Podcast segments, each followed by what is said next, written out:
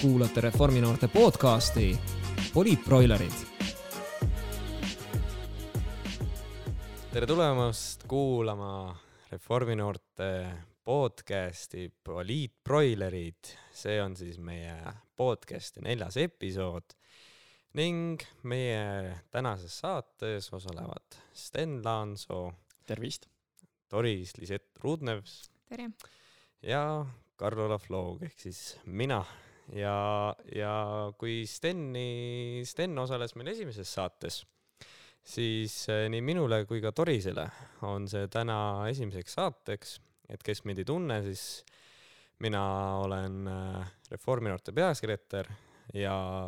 lisaks võin ka välja tuua, et õpin ka Tallinna Tehnikaülikoolis. aga Toris, kas sa sooviksid ka endast kiire tutvustuse teha? no võib ikka ma olen siis Doris, äh, kuulun ka Reformi noorte juhatusse veel äh, viimaseid, viimaseid päevi, meil on ju varsti üldkogu tulemas. ja, ja töötan Eesti Noorteühenduste Liidus noorte osaluse spetsialistina. ja, ja lisaks õpin siis samuti Tallinna Tehnikaülikoolis avaliku sektori juhtimist. väga lahe, igastahes, miks me oleme täna siia tulnud? meil on tegelikult konkreetne teema olemas, selleks teemaks on äh, noored ja töö. noorte osas mõtleme siis täna peamiselt tudengeid, ka gümnaasiumiõpilasi võib-olla, aga teema keskendub täna peamiselt siis sellel, et äh, kuidas äh, noored tudengid ja töötamine omavahel koostöös käib. ja, ja alustakski võib-olla selle teema sissejuhatuseks sellest, et millised tegelikult on meie enda nagu äh, kogemused seoses selle teemaga, et kui mina näiteks tegelikult ju olen äh, ideeliselt täiskohaga erakonnas tööl, lisaks ka õpin ja ütlen ausalt, et see on nagu miski, mis on minu jaoks väga tavaline ja, ja, ja see on miski, mida ma ise väga tahan, puhtalt sellepärast, et juba saada nii palju oma kogemust ja kõike veel lisaks, aga Sten, milline on sinu kogemus kooli kõrvalt töötamisega? Jaa, tegelikult äh, mina siis praegu õpin äh, magistrit õigusteaduses Tartu Ülikoolis. Ja siis, kui ma õppisin bakalaureus, siis ma töötasin samuti täiskohaga äh, bakalaureuse õpingute kõrvalt. Ja ka praegu, kui ma teen magistrit, siis samuti tegelikult töötan täiskohaga Riigikogus, nii et mõlema kohta ma võin nagu rääkida. Ja mul oli õnneks ka selline selline periood, kus ma sain äh, bakalaureust äh, tehes ka mitte töötada, nii et täitsa selline võrdlusmoment on õnneks olemas. ja ma arvan, et ongi selline nagu valikute küsimus tekkinud, et noh, et kumba sa siis tegelikult eelistad. ja Doris, kuidas sinu kogemus on olnud? Jah, ma arvan, et äh, sihuke esimene kord, kus ma üldse hakkasin töötama kooli kõrvalt oli siis gümnaasiumi alguses kus äh, ma sain niisuguse võimaluse teha tooteesitlusi poodides, selline hästi lihtne töö, äh, aga hästi põnev ja, ja see oli, oligi see, et läksid õhtul siis pärast kooli, said minna kuskile kaubanduskeskusesse või kuskile rääkida mingist tootest, mille kohta sul ennem oli siis mingi info ette saadetud. aga, aga kui ma läksin ülikooli, et siis mul oli küll alguses selline mõte, et ma kindlasti esimene aasta kindlasti ei lähe tööle, et tahan ikka keskenduda õppimisele. ja, ja noh, võib-olla teine, võib-olla kolmas aasta, aga esimene aasta kindlasti mitte. siis äh, läks, äh, läksin kooli, oli mingi esimene loeng ja, ja rääkisime kõik omavahel ja, ja tuli välja, et kuskil kaks kolmandikku mu kursusest käib tööl ja enamik neist ka täiskohaga ja mõtlesin, et okei okay,, et see vist siis ei saa nii raske olla ja tegelikult ega, ega jääb aega ka ülikooli kõrvalt, eriti kui sa tuled otse gümnaasiumist, et sul tegelikult see võrdlus gümnaasiumiga ajalises mõttes nagu ülikoolis on ikkagi, selles mõttes sul on rohkem aega planeerida endal. ja, ja siis läksin kuu aja pärast tööle, kui ma olen ülikooli läinud, kuigi ma lubasin endale, et ma ei lähe sel aastal. sest ega ju minagi tegelikult, kui ma ülikooli läksin, siis ma olin küll äh, ma olen pärit Keilast onju, ma olin noh, ütleme veerand kohaga olin tööl, et aga ütleme nii, et ajaliselt see võttis igakuiselt ikkagi väga vähe aega, et nagu tööl käia, et suurt koormust sellel ei olnud. et põhi, põhirõhk läks ikkagi esimesel aastal kõik kooli tegemisele, aga ma olin siis juba aktiivne Reformi noortes ja väga palju aega tõesti läks nagu sinna, eriti kui mõtlen, et kooliaasta alguse poole juba sain Tallinna klubi juhatusse ja kõik ürituste korraldamise ja sellega seoses oli nii palju tegemist, et kui siis äh, teise aasta alguses oli see koht, et kas nüüd hakata ka nagu täiskohaga tööle kooli kõrvalt, siis see tundus minu jaoks juba nagu nii tavaline, mõeldes, et, äh, et nii palju tegemisi nagunii on kogu aeg, et, et mis mis see ikka on nagu, et peaks hakkama saama küll ja noh, sii-, siin on näidanud seda, et okei okay,, natukene võib-olla keerulisem on ja stressirohkem, aga tegelikult äh, kui, kui ise tahad, siis saab tegelikult kõigega hakkama ja, ja suhteliselt nagu hästi on kõik läinud. aga ma küsiks nagu teie käest siis selle küsimuse, et, et äh, kui te peaksite hindama, et kui äh, ladusalt või kui, kui edukalt on see üldises pildis see koolis käimine ja töötamine samal ajal nagu läinud, et kas on olnud palju äh, raskeid momente või pigem on asi nagu sujunud edukalt? Äh, igatahes äh, sa mainisid, et, et kuidagi, kui sa noh, teed nii palju asju nii või naa, et, et siis sa arvasid, et sa saad ka tööle minna. ja minu arust tegelikult ongi see, et kui sa lõpuks nagu teed palju asju, käid koolis, käid tööl, siis sa nagu lõpuks ka kuidagi jõuad ennast rohkem motiveerida või kuidagi mul on kasvõi võrdlus olemas, et mul on ka mingid, mingid ajad nagu ülikoolis, kus ma ei käinud tööl ja tegelikult on palju raskem ennast kokku võtta nendest nagu vähet-, vähesteks asjadeks, äh, kui see, et sul on kogu aeg niisugune noh, asju on teha. et kui see, et sul on vahepeal nagu niisugune aeg, kus, kus sa nagu, selles mõttes noh, puhkuseaeg on vajalik, aga aga see, kus sul nagu pidevalt, pidevalt on nagu vähe asju teha, et siis see nagu tõmbab niisuguse moti maha või niisuguse nagu tempo sul endal ka maha ma olen tegelikult sellega hästi nõus, sest äh, ilmselgelt on tõsi see, et kui sul on äh, ajalimiit ees, äh, tähtajad on kogu aeg ees ja seda aega on limiteeritud, siis sul ongi kogu aeg see mõtlemine ja tahtmine, et ma pean need asjad ära tegema, sellepärast et rohkem mul aega ei ole. ja ega selline tähtaeg või deadline motiveeribki inimest üsna tihti seda, seda pingutust tegema, et selles mõttes on see õige. aga ma siinkohal võib-olla olekski nagu hea küsida, et kas see peab alati nii olema, sellepärast et äh, minu meelest on hästi tõsi ka see, et kui sa teed ükskõik mis asju väga palju, et sa töötad ja õpid korraga, siis see kõik tuleb tegelikult äh, millegi arvelt. ja, ja lõppkokkuvõttes kõike alati ei saagi jõuda, et sul võibki olla perioodid, kus sul on äh, nii tööl kui koolis väga palju teha ja paratamatult sa tegelikult pead tegema valikuid. aga ma teekski siis siia kõrvale ka kohe järgmise mõtte, et, et kas, kas, kas me näeme, et tegelikult üldse, et see kooli kõrvalt töötamine, kas, kas see tegelikult on normaalne, kas see asi, kas see on miski, mis peaks meie ühiskonnas olema, mida ma mõtlen sellega, on see, et, et kui te mõtlete ka enda kogemusest, et ikkagi kui sa näed, et kõigega saad hakkama ja jõuad, siis ikkagi, kui sa käid ka tööl koori kõrvalt siis sa ei jõua sajaprotsendiliselt pühendada ennast kooli asjadele. et millised on teil kogemused just selle osas? absoluutselt, tegelikult ongi niimoodi, et äh, kõikide inimeste jaoks äh, ei ole see valik, et äh, paljud üliõpilased, kes käivad tööl, vähemalt äh, kaks kolmandikku neist ütlevad, et nad peaksid äh, käima tööl sellepärast, et nad katavad sellega näiteks oma elamiskulusid ähm, ja, ja oma igapäevaseid olmekulusid ja see on nende jaoks oluline, et paljude jaoks see on ka paratamatu. ja siin ongi see koht, mis tegelikult tuleb nagu enda jaoks välja mõelda, et kui hästi sa lõpuks oled võimeline sellega hakkama saada, sest minu meelest siin on nagu kaks olulist küsimust, et esiteks on see, et kas sinu töö on selline, mida on võimalik äh, ülikoolis käimisega hästi ühildada, on see piisavalt äh, paindlik ja teiseks, kui suur on selle töö koormus, sellepärast et äh, mida mahukama tööprojekti sa endale võtad, mida rohkem sa oled ka ise nõus sinna panustama, ületunde tegema, seda vähem sul tegelikult jääb aega kõikide muude jaoks ja ilmselgelt on mingid kohad, tunnid päevast, mis sul kuluvad niikuinii ära söömisele, magamisele, pesemisele, mida iganes. ja siis lõppkokkuvõttes sul jääbki ainult väga limiteeritud aeg selleks, et pühenduda oma õppetegevustele. et lõppkokkuvõttes äh, tulekski nagu mõelda selle peale, et, et äh, kust sa oled valmis seda näpistama ja kui palju. sest ma ise näen seda asja nagu veits kahe otsaga, et okei okay,, et kui meil on olukord, kus õpilane teeb tööd puhtalt sellepärast, et üldse hakkama saada nagu õppimise kõrvalt, et olekski see, et tal, tal endal oleks see soe toit õhtul või hommikul laua peal või et tal oleks koht elamiseks, siis, siis seal tekib nagu see küsimus, et kas süsteem võiks olla kuidagi teistmoodi, et õpilased saaksid rohkem äh, keskenduda oma kooli tegemistele, aga samas, kui ikkagist see kooliõpilane näeb, et äh, ta tahab lisa sellist nagu challenge'it nagu kooli kõrvalt, ta tahab äh, saada lisakogemust, kui ta kunagi kooli lõpetab, et ta oleks tööturul väärtuslikum inimene ja mida kõike veel et siis ma jällegi näen seda nagu väga okeina, et kui see on nagu õpilase omaenda huvi ja valik. jah, selles mõttes äh, väga nõus, et ma arvan, et mõni nagu vajabki kindlasti seda rohkem seda praktikat ja kuna ülikool ongi hästi selline teoreetiline juba oma iseloomu poolest, et siis, äh, siis noh, kui on niisugune erialane töö,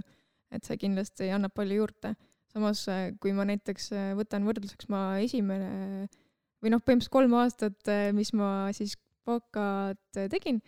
Äh, nendest ma siis töötasin äh, klienditeeninduses ja, ja selline töö, mis äh, polnud üldse erialaselt seotud ja mis ei olnud ka selline mõttetöö. ja tegelikult mõnes mõttes oli see justkui nagu puhkus koolist, sest koolis sa pead kogu aeg mõtlema ja töötama ja analüüsima hmm et see oli natuke selline, et sa said niisugust mehaanilist tegevust teha seal ja, ja kuidagi tunda ennast nagu vabalt, et sa ei sa ei pea otseselt midagi ise nagu mõtlema. et aga siis, äh, aga samas teistmoodi, kui ma ülikooli lõpus äh, hakkasin töötama siis ülikoolis, siis seal oli rohkem selline erialane töö ja, ja et seal oli ikkagi teistmoodi, et vahepeal tekkis küll see, et lõpuks on lihtsalt aju nii, nii väsinud õhtuks juba, et et ei jõua enam, enam õhtul õppimisse, õppimist nii-öelda siis alustada. aga kui sa nüüd hindad seda, et kui sa nüüd alustasid nüüd värskelt siis tööd Eesti Noorteühenduse Liidus, et äh, kui sind hinnati või komisjon vaatas, et kas me võtame inimesi tööle või mitte, et kui, kui palju sa tundsid, et sinu varasem töökogemus äh, andis nende nägemusele, ma ei tea, sinu, sinu, sinu, ütleme, et ma vaatasin, nad vaatasid sind positiivsema pilgu läbi Äh, jaa, ma arvan, et äh, kindlasti andis, et ma arvan, iga kogemus nagu noore CV-s on, äh, on nagu väärtuslik, et ma ise noh, tunnen ka seda, et mul tegelikult see klienditeeninduse kogemus, tegelikult see annab muus osas hästi palju juurde. aga kindlasti suur osa oli, oli sihuke nii-öelda vabatahtlik töö või, või kasvõi Reformi noortes olemine ja ja ürituste korraldamine, et see, ma arvan, oli natukene suurema kaaluga too aeg, et kuna ta on ikkagi äh, Äh, teises sihukeses spektris äh, see valdkond, äh, kui siis, kui ma ülikoolis, see, mis ma ülikoolis tegin. aga, aga siis seda, et meil näiteks ENL-is on ainult üks inimene kontoris, kes ei käi hetkel koolis ja ka tema võtab koolitusi, et ta ei käi otseselt koolis, aga tal on selles mõttes ikkagi õpib et ma arvan, hästi selline hea koht, et kõik seda noh, väärt-, noh, väärtustavad niisugust õppimist ja enesearendamist, et äh, ja hästi arvestavad kooliga, et ma arvan, et see on hästi tähtis, et sa leiad niisuguse töökoha, kus, kus on see õppimine ka väärtustatud. aga samas ma olen teinekord mõelnud seda, et äh, kas see on natukene võib-olla isegi äh, ebaõiglane, et tööandjad ootavad õpilastelt liiga palju peale seda, kui nad on näiteks oma kraadi kätte saanud, et kui me toome võrdlusesse kaks eraldi õpilast, üks õpilane, kes on näiteks baka kättesaamisel, tema hinded olid väga head, keskmine hinne oli viis null, aga tööl ei käinud ja siis toome võrdluseks teise noore, kes lisaks käis ka väga palju tööl, hinded ei olnud nii head, keskmine oli ütleme kolm pool, aga sai väga palju töökogemust, siis tihti mul on jäänud mulje, et tööandjad isegi hindavad just seda töökogemusega inimest rohkem see võib täiesti nii olla, sest esiteks, kui sul on juba töökogemus, see kindlasti on tööturul eelis ka ainuüksi seetõttu, et sul on äh, töötamine, meeskonna töötamise kogemus, sa oskad inimestega paremini suhelda, peale selle, et sul on mingisugused äh, teoreetilised teadmised. ja minu meelest siin ongi nii tööturumaastikul kui ka ühiskonnas laiemalt äh, väikene vastuolu sellepärast et äh, kui me vaatame seda, kuhu poole maailm nagu liigub, siis äh, minu hinnangul esiteks äh, ülikooliharidus natukene delarveerub. eelkõige seetõttu, et suur enamus töökohal vajaminevatest oskustest saadakse selgeks töökoha peal ja tööandja üldiselt õpetab sind veel eraldi välja, vaatamata sellele, et sul võib olla ka väga hea kvalifikatsioon, sul üldiselt on vaja ka mingisuguseid teadmisi, et selles kollektiivis, selles konkreetses valdkonnas hakkama saada.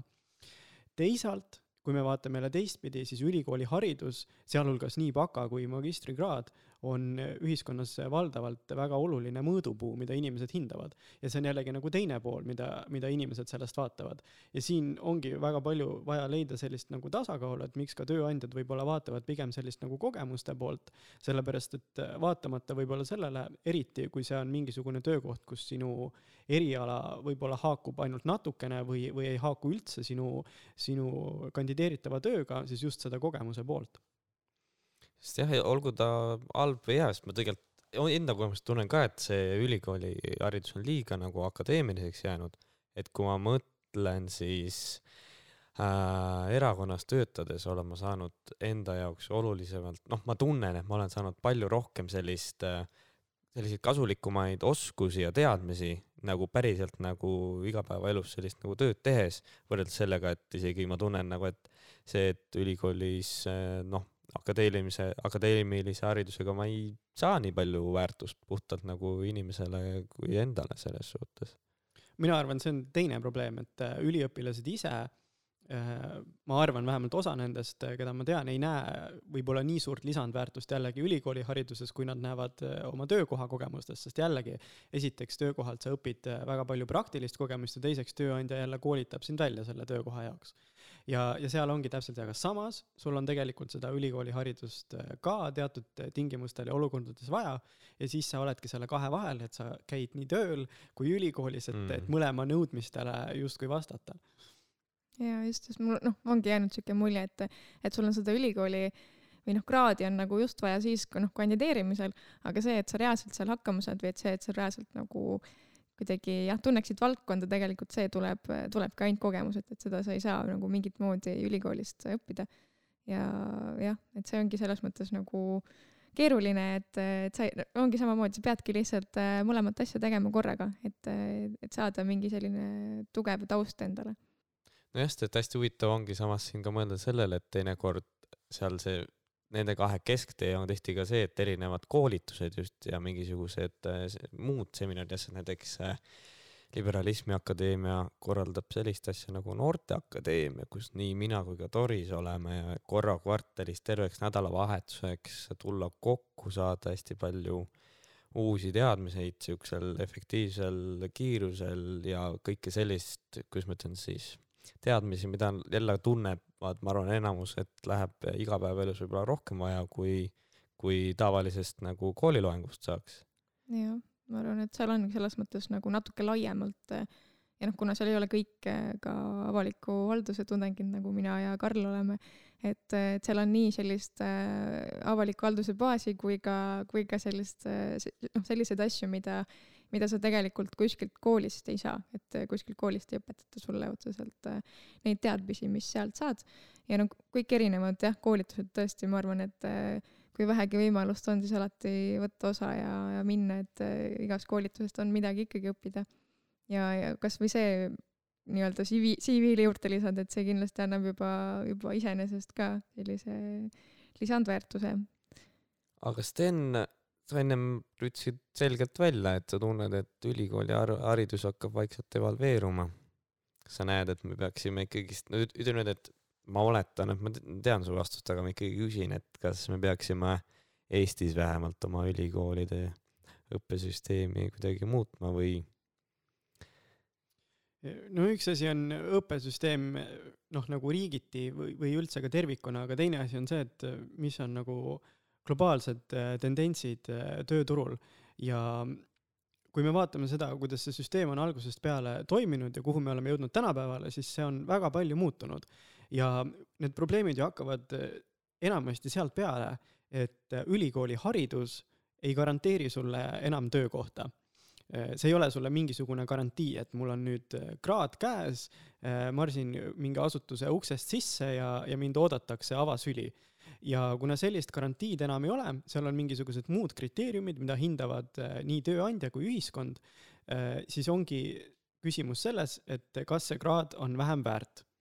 ja mina ütlen, et äh, tõepoolest see pigem võib nii olla sellepärast et lisaks sellele, et sul on ülikooliharidus selleks, et lüüa tööturul, ütleme siis keskmiselt edukamalt läbi, sul on sinna ikkagi vaja kõrvale mingisuguseid muid eriteadmisi, kogemusi,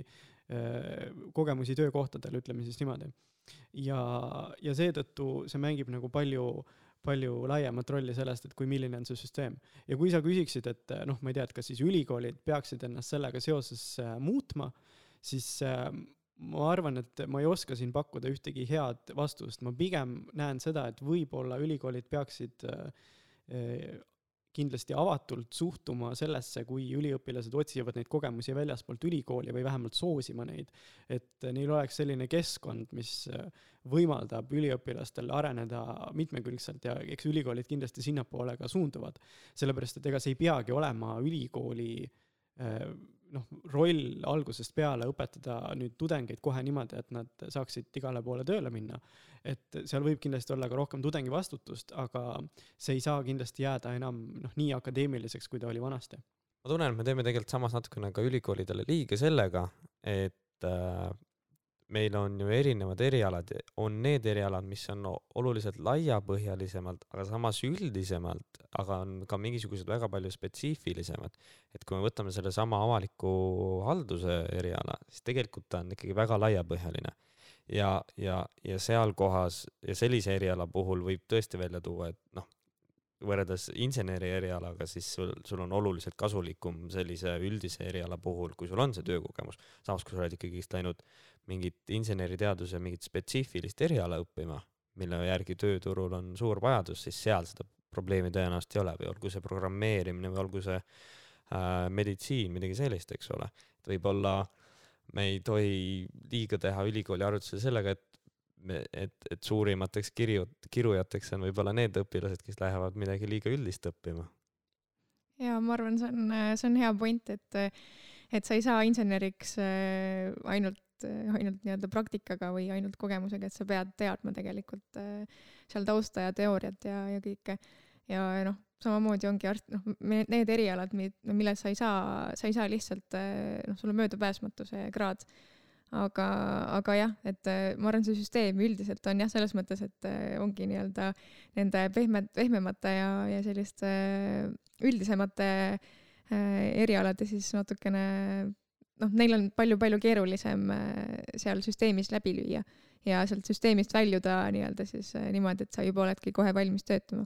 et, et see väga kindlasti sõltub jah, sellest samast spetsiifikast, et mis sa, mis, mis erialaga sul on tegemist et äh, jah. et mul näiteks siinkohal tekibki nagu mõte, et Sten sellel kohal on hea näide, et kes sa oled õigusteaduskonna õpilane, tudeng oled olnud, baka on käes, magistrit õpid, et kuigi sa täna töötad üldsegi Riigikogus, aga et kas sa üldse tunned, et äh, et sul oleks probleem saada kuskile erasektorisse tööle oma erialale? ma arvan, et eh, see ei ole raske minu jaoks, aga ma arvan hoopis teistel kaalutlustel, et eh, eelkõige seetõttu, et ma usun, et mul on piisavalt hea network, et, et seda saavutada. et tegelikult see on nagu noh, tööturule sisenemisel üks oluline osa, millest me võib-olla täna ei pea väga pikalt peatuma. Aga ma olen tegelikult hästi nõus sellega, mis just siin enne räägiti, et otse loomulikult, kui sa, ja sellepärast ma ei tahagi lüüa kõike nagu ühe puuga, onju, et otse loomulikult, kui sa oled näiteks kutseõppes või erialal, eh, kus sa saad sellise teatud nagu kutseõppe kogemuse, siis sul on äh, erialast tööd ilmselt äh, lihtsam leida võrreldes sellega, kui sul on üldisem eriala, kus sa ilmselt pead ka nii-öelda tööturule sisenedes valima mingisuguse suuna ja, ja hiljem spetsialiseeruma. ja see ongi nagu erialati ju ka erinev,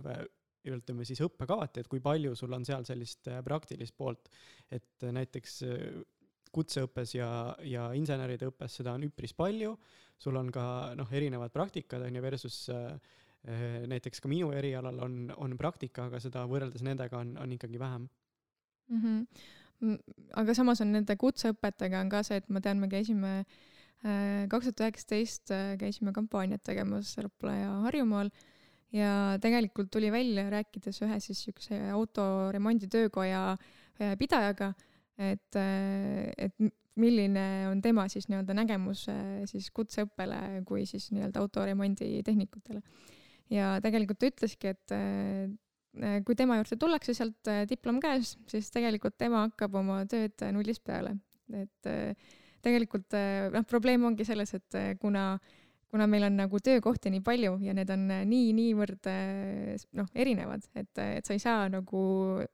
õpetada ühe nagu õppekavaga kõik, noh, kõigi jaoks seda nagu perfektseks lihvida et, et see oli jah, see, et ta ütles, et tema peab, peab hästi palju vaeva nägema sellele, et ta õpetab tegelikult neile seda, seda kutset siis ise. sellega me jõuamegi tagasi sinna, et tegelikult see ilmselt ei peagi olema ülikooli äh, roll õpetada välja nii spetsiifilisi inimesi, sellepärast et äh, tegelikult äh, sa pead pärast niikuinii omandama veel mingisugused töökohapõhised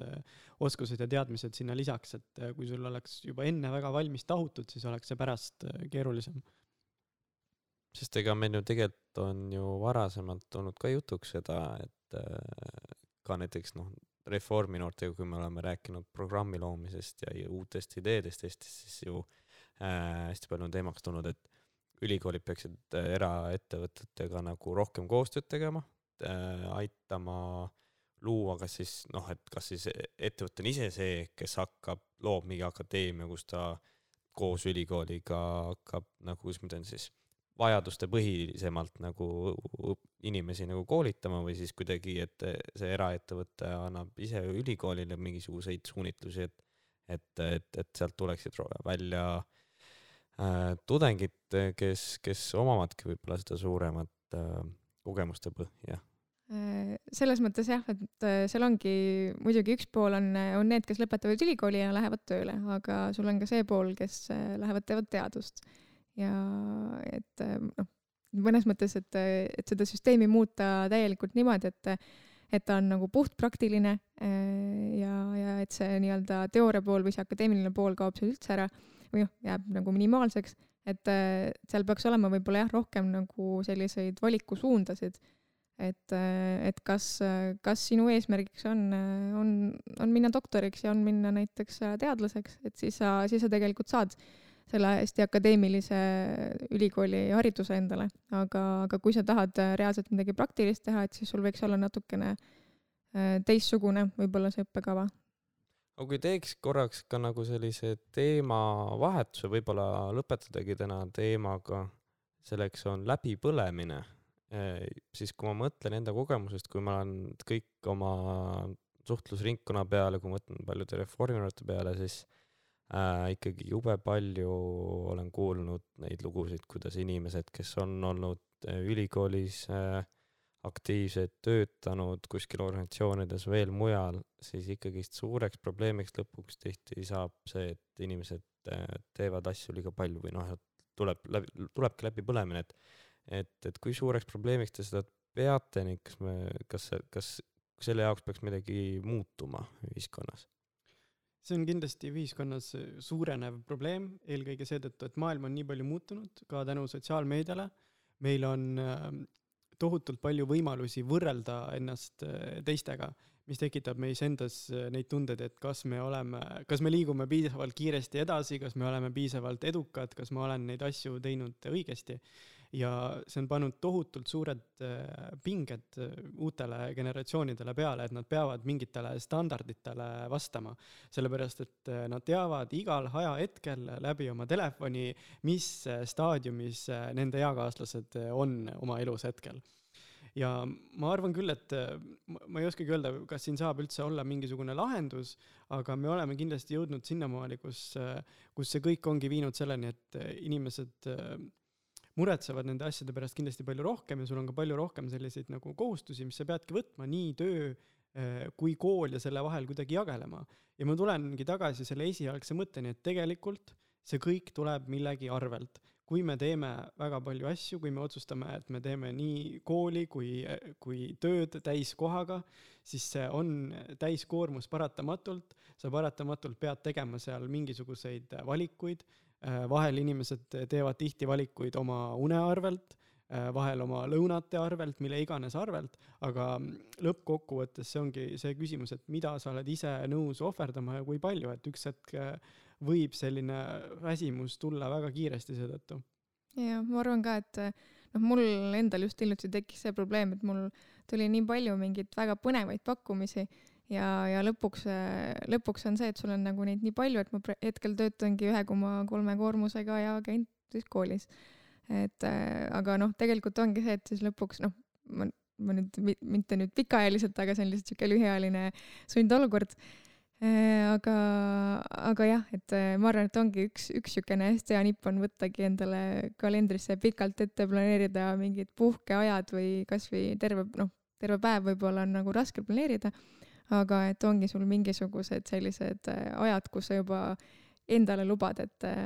et, et sul on mingisugused siuksed regulaarsed puhkeajad, et muidu läheb väga-väga keeruliseks. Absoluutselt, minu isiklikul kogemusel ka hea aja planeerimine aitab äh, kõige paremini. äh, aga mitte lõpuni, et sa peadki alati, sa ei saa teha niimoodi, nagu sa just isegi ütlesid, et sa pead planeerima ja mõtlema ka selle aja peale, et, et millal sa mida teed. sest ma võin ju planeerida oma nädalad ja kuud ja aastad kõik täis ainult töötamist ja õppimist ja siis vajutada sinna veel seitse tundi magamist ja that's it.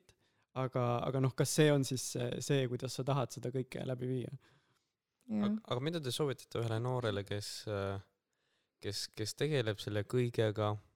ta arvab, et ta planeerib oma aega väga hästi, aga üks hetk, üks päev ta avastab, et issand, et ta on ikka täiesti mustas augus, et ta emotsionaalselt õhk ja füüsiliselt on ol-, olukord kehv, et mida te soovitaksite ühele noorele, kes leiab ennast sellisest olukorrast või mis on see soovitus, et üldse jõuakski sinna olukorda?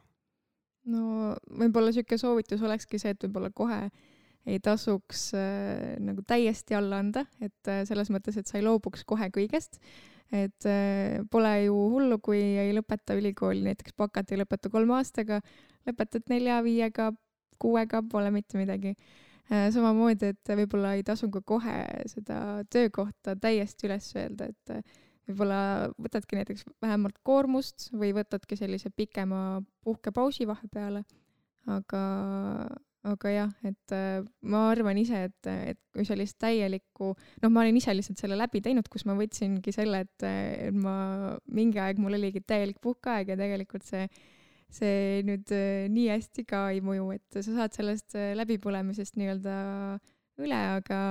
aga lõpuks sa tahad ikkagi tagasi, tagasi nii-öelda siuksesse tasakaalu jõuda minule kunagi anti selline soovitus eh, enne seda, kui ma olin veel ülikooli läinud ja üks inimene soovitas mulle, väga hea kolleeg, et, et kui on võimalus, siis tehke niimoodi, et, et ei tööta ja ei õpi korraga, et töötada jõuab eh, pärast küll ja aga, aga õppida on hea alguses rahulikult ära, vähemalt, eks ole, baka. ja siis ma mõtlesin küll selle peale alguses, et ah, et mis jutt see nagu on, onju. no nüüd ma mõtlen, et nii ja naa nii ja naa, et tõesti, kui sul on võimalus ja sul ei ole eluks vajalik, et sa pead alguses kohe töötama, siis võib-olla on tõesti mõistlik äh, alguses hinnata vähemalt, et äh, missugune on sinu võimekus ja missugune on ka sinu tahtmise, et seda niimoodi planeerida, et kui palju sa oled nõus äh, oma ajast nagu väga pingsalt ära andma. ja, ja teine asi on muidugi see, et noh, mingeid kogemusi on kindlasti mõistlik sinna kõrvale, kõrvale otsida aga minu nõu võib-olla oleks ka see, et äh, kui sa vähegi tunned, et äh, sa oled jõudmas mingisugusesse staadiumisse oma elus, kus kõik tundub, et on äh, väga pingeline, enam ei jaksa ja enam ei jõua, siis kindlasti tegeleda, noh, võib-olla ei ole aeg maha võtta selline väga hea sõna, aga võtta endale kasvõi väiksed osad päevast iseendale tegeleda iseendaga, kas isekaemusega või, või nende tegevustega, mis, mis on sinu meelistegevused. et äh, kogu selles võrrandis, noh, see ongi ju meie igaühe enda elu ja selles võrrandis ei tohi iseennast äh, ära unustada, et need asjad, mis sinu jaoks on olulised, olgu see sinu töö, õppimine, mingisugused väiksed tegevused, mida sa teed iga päev, et neid ei tasuks äh, ära unustada, sest need tegelikult pakuvad sulle nagu, nagu rõõmu ja seda motivatsiooni. ma arvan, et suurepärasemat lõpumõtet ei olekski osanud siia podcast'i episoodi lõppu tahta, et äh, siinkohal tookski need asjad kokku ja, ja sooviksin kõigepealt nii Doris sind kui ka Steni tänada selle suurepärase äh, pooltunnikese eest ning äh, seekordne Reforminoorte podcast Poliitbroilerid ongi saanud oma lõpu. kuulake kindlasti meie ka, ka meie varasemaid episoode ning jälgige meid ka sotsiaalmeedias ning jälle kuulmiseni